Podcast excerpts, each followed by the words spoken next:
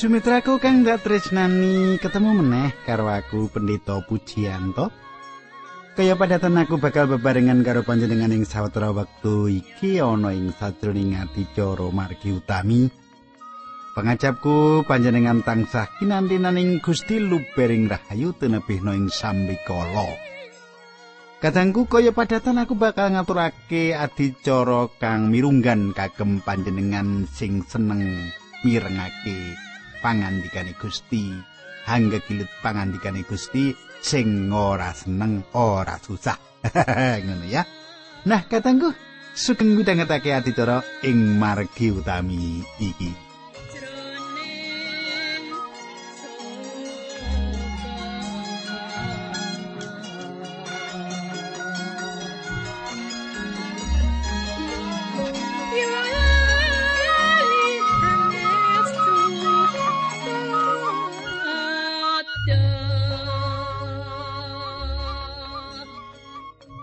Apa panjenengan isi kelingan apa sing ndak aturake nalika ana patemon kita kepungkur? Adicara utawa giaran kepungkur, kita wis padha ngerti kepriye wong-wong ing Yerusalem nggone padha nyubya-nyubya lan mulyakake Gusti Yesus kepriye cerita sebanyure.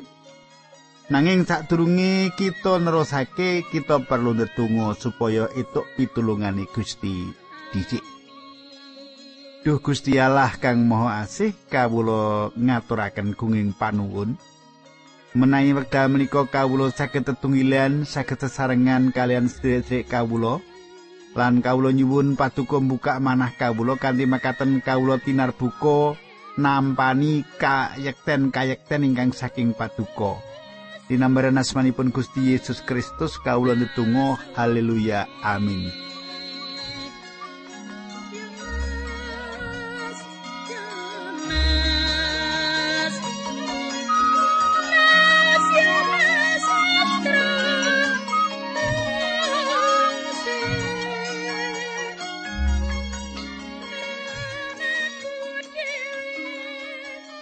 Para pamirsa, minangka purwaka wiwitan kita anggekilut ayat 24 lan 20 yaiku saka Injil Yohanes pasal kaping 12. Aku bakal macake ing basa pedinan panjenengan semak kanthi permatiyo. Padha ilinga yen wiji gandum sing ditanduring lemah lan mati, wiji mau ora bakal tetep mung segelintir wae. Nanging sawise wiji mau mati bakal ngetokake woh akeh. Wong sing nengenake uripe ing donya iki bakal kelangan urip sing sejati nanging wong sing ngingkur uripe dhewe ing donya kini bakal ngalami urip sejati sing langgeng. Mengkono surasane pangandikan, katengku. Sawise Gusti Yesus maringi keterangan bab dasar kersane atau konsep ngenani kayu salib. Banjur Gusti Yesus ngendikake dasar kersane sing luwih agung bab pasemon wiji gandum. Senajan wiji gandum iku tiba ing lemah, nanging bakal tukul gudunge nuli uwoh lan mangsa panini. Wiji iku kudu mati supaya bisa ngasilake woh. Akeh wong sing rumangsa wis kenal karo Gusti Yesus, dilaran wis maca Injil, wis maca kitab suci. Wong-wong iki mung ngerti sejarahe nanging kanyatane padha durung manuh kanthi teges sing sakmestine. Jalaran kenal Gusti Yesus kudu ngerti werdi panjenengane sedo kasalib sing nuli wungu meneh saka sedani. Sedani Gusti Yesus kanggo nebus dosa-dosa kita lan panjenengane maringake kesange kanggo kawilujengan kita. Nuli Gusti Yesus mbandingake rong werna kahanan urip marang wong-wong Yunani. Sing sepisan urip ing kajiwan yaiku urip sing mung disenengake apa wae sing ana ing donya iki. Urip ing kajiwan yaiku urip sing mung disenengake apa wae sing ana ing donya iki. Ngudi kamarmani panca indra wae urip sing dinikmati ana ing donya iki sing kapindho urip ing jasmani kita urip kaya sing kita alami saiki iki. Nuli Gusti Yesus ngendika wong sing nengenake urip ing donya kene bakal kelangan urip sing sejati. Apa tegese iki? Tegese sing sapa urip mung kanggo seneng ing jagat iki? Bakal kelangan urip sing saknyatani. Banjur ditambah mengini. Nanging wong sing nyingkur uripe dhewe ing donya kene bakal ngalami urip sejati sing langgeng tegese sing uripe ora kumantil marang kahanan donya iki bakal ngopeni panguripane kanggo urip langgeng Lan urip langgeng iki asale saka ngendi? Asale saka wiji gandum sing tiba ing lemah. Lan mati mau sing wusanane banjur tangi saka pati iki gegambarane Gusti Yesus. Iki cara kanggo gesang panjenengan supaya wilujeng. Saiki ayat 6 Wong sing ngawula marang aku kuwi kudu ngetut buri aku supaya bisa melu aku menyang ngendi wae paranku wong sing ngawula marang aku kuwi bakal dimulyakake dening ramaku Katengku Gusti Yesus dawuh supaya wong-wong mau ndereka marang panjenengane lan saiki panjenengane lagi tedhakan tumuju menyang papan pamentangan. Gusti Yesus aprajanji yen sing nderek panjenengane bakal dikanthi terus nganti tekan delahan. utawa kelanggengan. Saiki Yohanes 12 ayat 17. Saiki adikku was-was banjur arep matur apa? Apa aku kudu matur Rama? Mugi sampun negakaken kawula ngalami kasangsaran menika. Ora, sebab enggon urip tekan sprene iki perlu supaya ngalami kasangsaran mau. Kadangku ing ayoming kayu salib pancen ana kasangsaran sing ora kita ngerteni. Gusti Yesus ora nemahi kasangsaran jalaran tangane manungsa nanging luwih saka iku abote. Iku kabeh jalaran dosa panjenengan lan dosaku sing dadi momotan awrate kasangsarane Gusti Yesus. Panjenengane sing ora kagungan dosa didadekake dosa krana dosa kita. Senajan panjenengan iki suci, ora ana cacat lan salai, uga ora padha karo wong dosa liyane.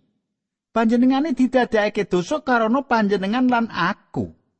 Iki sawijining kasangsaran sing dilakoni dening Gusti sing ora bisa kita mangerteni. Jiwane kablasukake menyang panggonan sing gegirisi. Panjenengan iki banget kasiksa ing ngarepe kayu salib iku. Pancen rawuh ing donya iki kanthi tujuan supaya bisa manggul lan kapentang ing salib lan nanggung asor-sor asor-asore nalika digantungake ing pamentangan nanging kayu pamentang salib iki ana kaagungan. Gusti Yesus saben ajeng karo prastawa pangorbanan agung sawetara wektu sadurunge masrahake kesange kanggo panebuse dosa tumrap panungsa.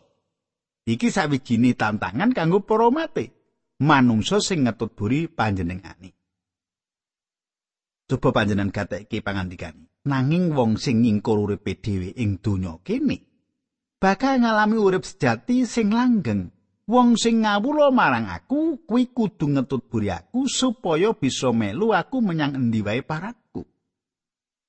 Kadangku panjenengan bisa ngerti parane uripe manungsa iku saka carane nglakoni uripe. Yen panjenengan kepingin kawilujengake, yo yen panjenengan kepingin kawilujengake panjenengan kudu pracaya marang panjenengani. Sapa to? Gusti Yesus. Yen panjenengan percaya kanthi tumemen panjenengan bakal kagungan kekuatan kanggo ngowahi cara urip sing ora dadi urip sing becik yen gesang panjenengan ora ana wawahan dadi becik iku ateges panjenengan durung pracaya kanthi temenan Coba iki panjenengan gatekake pangandikan iki.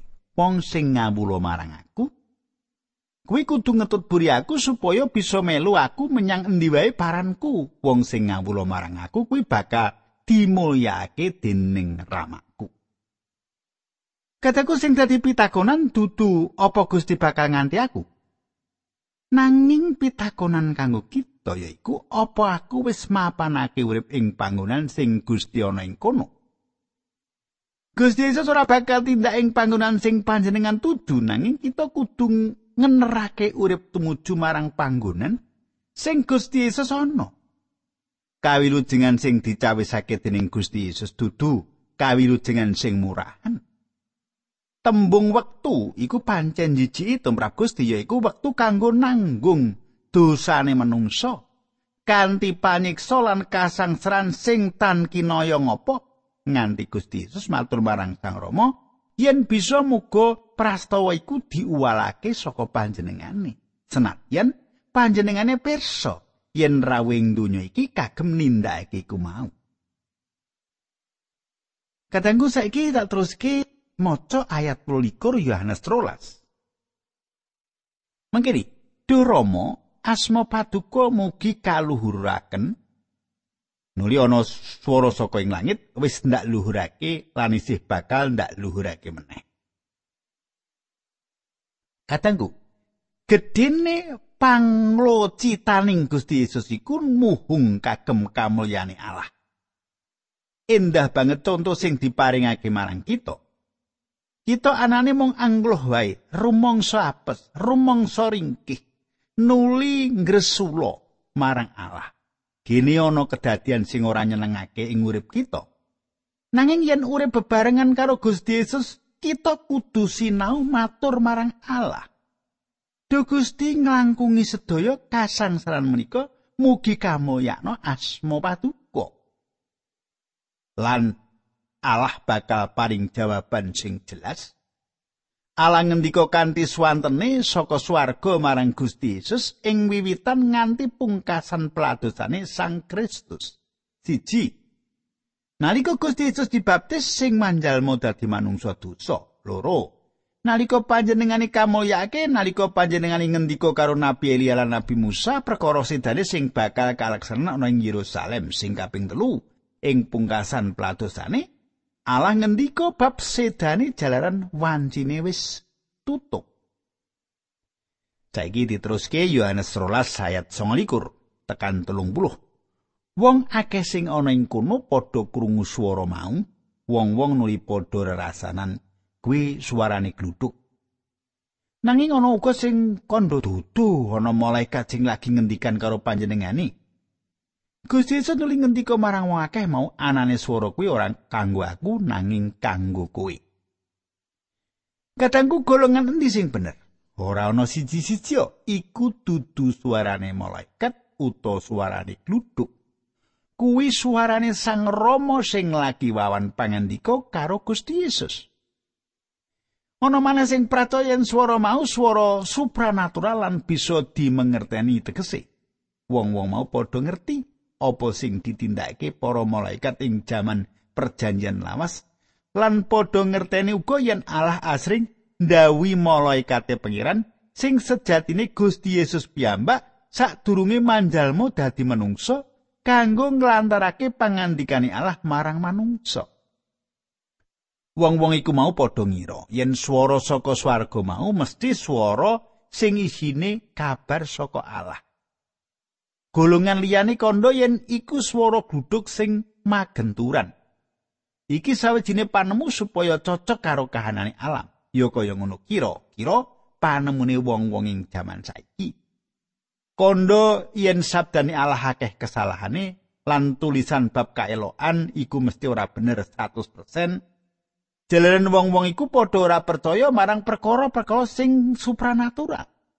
Malah kedadian ing dhuwur mau sing tak aturake mau dikomentari yen iku mung swara gluduk wae. Sabdane Gusti jelasake yen miyose Gusti Yesus saka kenya Maryam iku sawiji supranatural. Gesange kebak ing kailoan lan sedane kaya wiji gandum. Gusti Yesus wungu saka seda kaya wiji gandum sing dipendemati nuli ngasilake wahakeh. Wungune saka seda Gusti Yesus ora mung asipat supranatural. Nanging secara badania iku dudu swara gluduk iki pangandikane Allah. Pancen kita perlu pemahaman lan pakurmatan kanggo bisa krungu lan ngerti sabdo lan malah bisa ndeleng sabdane Allah mau.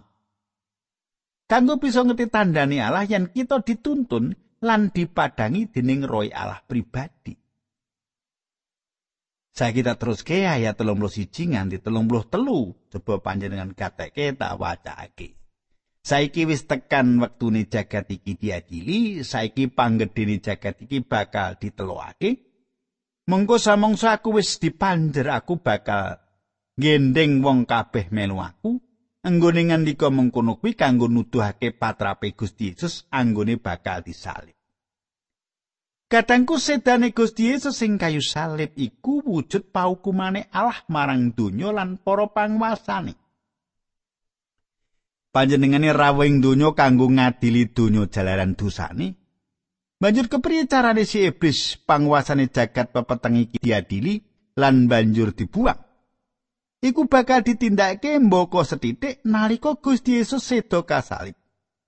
Iblis durung ngerti apa werdine. Iblis mikir yen nalika Gusti Yesus kasalib tegese Allah wis kalah, mongko sanyatane iblis sing kalah. Mula bener apa sing dingendikake Gusti Yesus yen panguasane donya wis dibuang. Coba panjenengan semak Wahyu rong ayat telu. Banjur diuncalake ana ing telenging pati, nuli ditutup lan disegel supaya aja nasarake para bangsa maneh sadurunge sewu taun mau entek. Sawise mengkono sinaga bakal dicolake meneh sawetara mangsa. Yohanes 13 saya 10, aku nuli krungu swara seru banget ana ing swarga muni mengkene. Saiki wis tekan wektune Gusti Allah nyelametake umat kagungane saiki Gusti Allah wis nindakake peperintahane lan panguasane Sang Kristus yo wis kebabat awit si penggugat sing rina wengi nggugat para sedulur kita ing ngarsane Gusti Allah kuwi kauncalake saka swarga iku titi mangsa pungkasan kanggo si iblis keok kayu salib iku minangka tondo kamenangane Sang Kristus lan kalai iblis Iki tondo sedane sing maringi kekuatan penebus sedane nderek manungsa supaya dadi kagungane sing padha nolak bakal ketriwalan ilang. Saiki ayat 34 Yohanes 12 mengkini surat.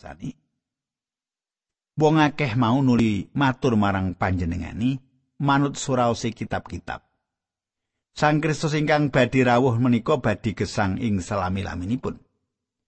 Kados pundi dene panjenengan kok ngendika bilih putrane manungsa menika kedah nglampahi sinalib, lajeng putrane manungsa menika sinten? Kadangku. Panjenengan pirsa wong akeh iku panjen bingung.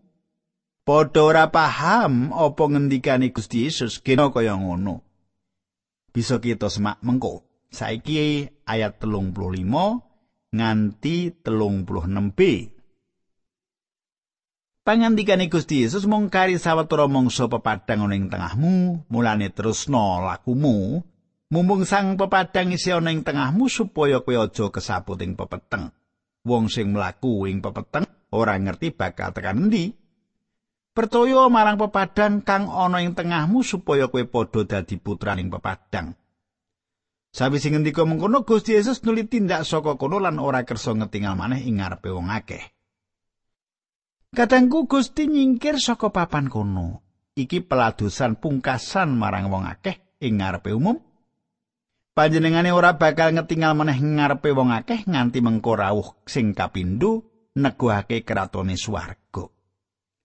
Saiki ayat 37 nganti patang puluh siji mungkin surasane. Akeh banget mukjizat lan kaeloan sing ditindakake ana ing ngarepe wong akeh mau. Ewa semono wong-wong mau meksa ora percaya marang panjenengani. Srana mengkono kelakon temenan apa sing wis kawetho dening Nabi Yesaya sing unine mengkene. Do pangeran sinten ingkang pitados dhateng pawartos kawula? Sinten ingkang kepareng ningali kuwasipun Allah? Wong-wong mau padha ora bisa percaya merga Nabi Yesaya wis ngendika mengkene. Gusti Allah ngendika, "Mripate wis tak gawe buta, atine dadi kaku lan nalari banjur peteng." supaya wong-wong mau aja padha meratobat teman ndak warasake. Nggone Nabi Yesaya ngendika mengkono mau merga wis pirsa marang kamulyane Gusti Yesus. Katanggu kang dak tresnani saiki apa sing kita deleng? Senajan wong-wong mau padha ngadeg ing tengahing pepadang nanging mripate panggah merem dipet.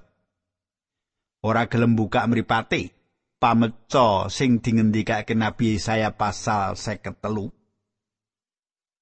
bab sedane Sang Kristus, nanging wong-wong iku uga tetep nolak. Wong-wong iki padha keblerengen ing papadang nganti ora bisa tumindak apa-apa. Iki uga kapetik saka Yesaya 6 ayat 10 mengkene surasani. Banjur ngendika meneh mengkene, pikirane wong-wong kuwi gawenen budhuk. Lan kupinge gawenen budhek sarta mripate gawenen wuta supaya ora bisa ndeleng utawa kupinge ora krungu sarta pikirane ora ngerti lan marani aku dadi lan warasi. Kadangku, apa sing ditulis iki pancen bener cunduk karo kahanan ing jaman semono. Gusti Yesus ngendika bab pribadine sing jumeneng dadi Mesias lan Raja. Nanging kabeh secara pribadi padha nolak. Ora percaya. Nuli Gusti Yesus nolak wong-wong mau. Kenapa? Jalaran wong-wong mau padha ora gelem nampani lan percaya marang panjenengani. Bakal ana mangsani panjenengane wis ora bisa meneh nampa wong-wong sing padha kepengin sowan marang panjenengani. Sing mutawiri yen nalika kita padha krungu kabar kasukan iki, padha mangkotake ati ana wektune wis ora bisa krungu lan ndeleng maneh pakaryane Injil. Sumitraku ing patunggilan mumpung isih ana wektu aja katalompen. Eh, aja ngantek telak. Saiki wektune kanggo panjenengan, ya. Dalan kasuwargan wis dicepaki. Kari panjenengan gelem nampa apa ora? Nah, ngono. Nah, tak teruske ayat 42. Tekan 43 ya. Ewa semono akeh uga para panggedene wong Yahudi sing padha percaya marang Gusti Yesus. Nanging wong-wong kuwi ora wani ngakoni percayane terang-terangan merga padha wedi aja-aja disebratake saka sinagoge dening para wong Farisi. Wong-wong kuwi padha luwih seneng diurmati dening manungsa ketimbang nampa pakurmatan sing saka Gusti Allah. Kadangku eman dene wong-wong kuwi kaya dene wong percaya sing sesideman. Banjur ora wani dadi saksi kayak dene Gusti Yesus. Saiki ayat 44 nganti 46. Gusti Yesus nuli ngendika wong sing percaya marang aku kuwi ora mung aku sing dipercaya nanging uga panjenengane sing ngutus aku. Sing sapa ndeleng aku kuwi uga ndeleng panjenengane sing ngutus aku. Tekaku ing jagat iki dadi pepadang supaya wong sing percaya marang aku ora tetep ana ing pepeteng. Mitraku kang dak tresnani Gusti Yesus baleni meneh pernyatane sing indah lan hebat. Aku iki pepadangi jagat. Waktu iki waktu kanugrahan, waktu sing diulur dening Gusti Yesus supaya saben wong sing padha kepengin celak panjenengani bisa dikanti dadi kagungani. Iki tandane yen wong sing padha wuta, padha ngaku wutane lan wusanane padha bisa ndeleng pepadangi jagat iku. Ayat patang puluh pitu nganti seket. Mengkini surasane ing Yohanes pasar rolas. Dudu aku sing bakal ngadili wong sing padha krungu nanging ora nglakoni piwulangku. Mergo tekaku ora arep ngadili jaket nanging arep nyelametake. Wong sing ora percaya lan ora gelem manut marang pituturku kuwi ana sing ngadili dhewe ya Injil sing dak wartake kuwi sing bakal dadi hakim sing ngadili wong-wong mau ing dina kiamat. Lan pancen mengkono mergo aku ora tau memulang metu saka karepku dhewe. Sang Rama sing ngutus aku, panjenengane kuwi sing dawuh marang aku samubarang sing kudu ndak kandhake utawa ndak ulangake. Lan aku ngerti yen dawuhe Sang Rama kuwi dalaning urip sing sejati, mulane apa sing ndak kandhake iki kabeh mergo saka dawuhe Sang Rama. Kadangku, kita kabeh bakal diadepake ana ngarsa pengadilan Allah. Ora jalaran panggawe becik kita sing mung setitik, ora jalaran kon kita padha sregep ngibadah. Nanging kita bakal diadili kanthi dasar sabdane Allah. Mitra patunggilan, Gusti Yesus bakal rawuh meneh dadi hakim. Manungsa sing wis nolak sang sabdo iku ateges nolak sang raja. Mesti wae sang raja mau uga bakal nolak kita yen kita nolak panjenengane. Yesus Kristus. Panjenengane raja swarga salaminyo. Katangku semene dhisik atur pasugatan kasok maniki, muga-muga panjenengan sak brayat kaberkahan. Monggo kita ndedonga. Kanjeng Rama ing swarga, kawula ngaturaken gunging panuwun kawula sampun paripurna. Anggen kawula mbeber sabda paduka. Kawula nyuwun supados paduka jepati kanthi mekaten dherek kawula menika mangertos menapa ingkang dados karso paduka sesarengan kaliyan abdi paduka ingkang sinau supados nindakaken karso paduka dinambaran asmanipun Gusti kawula Yesus Kristus kawula haleluya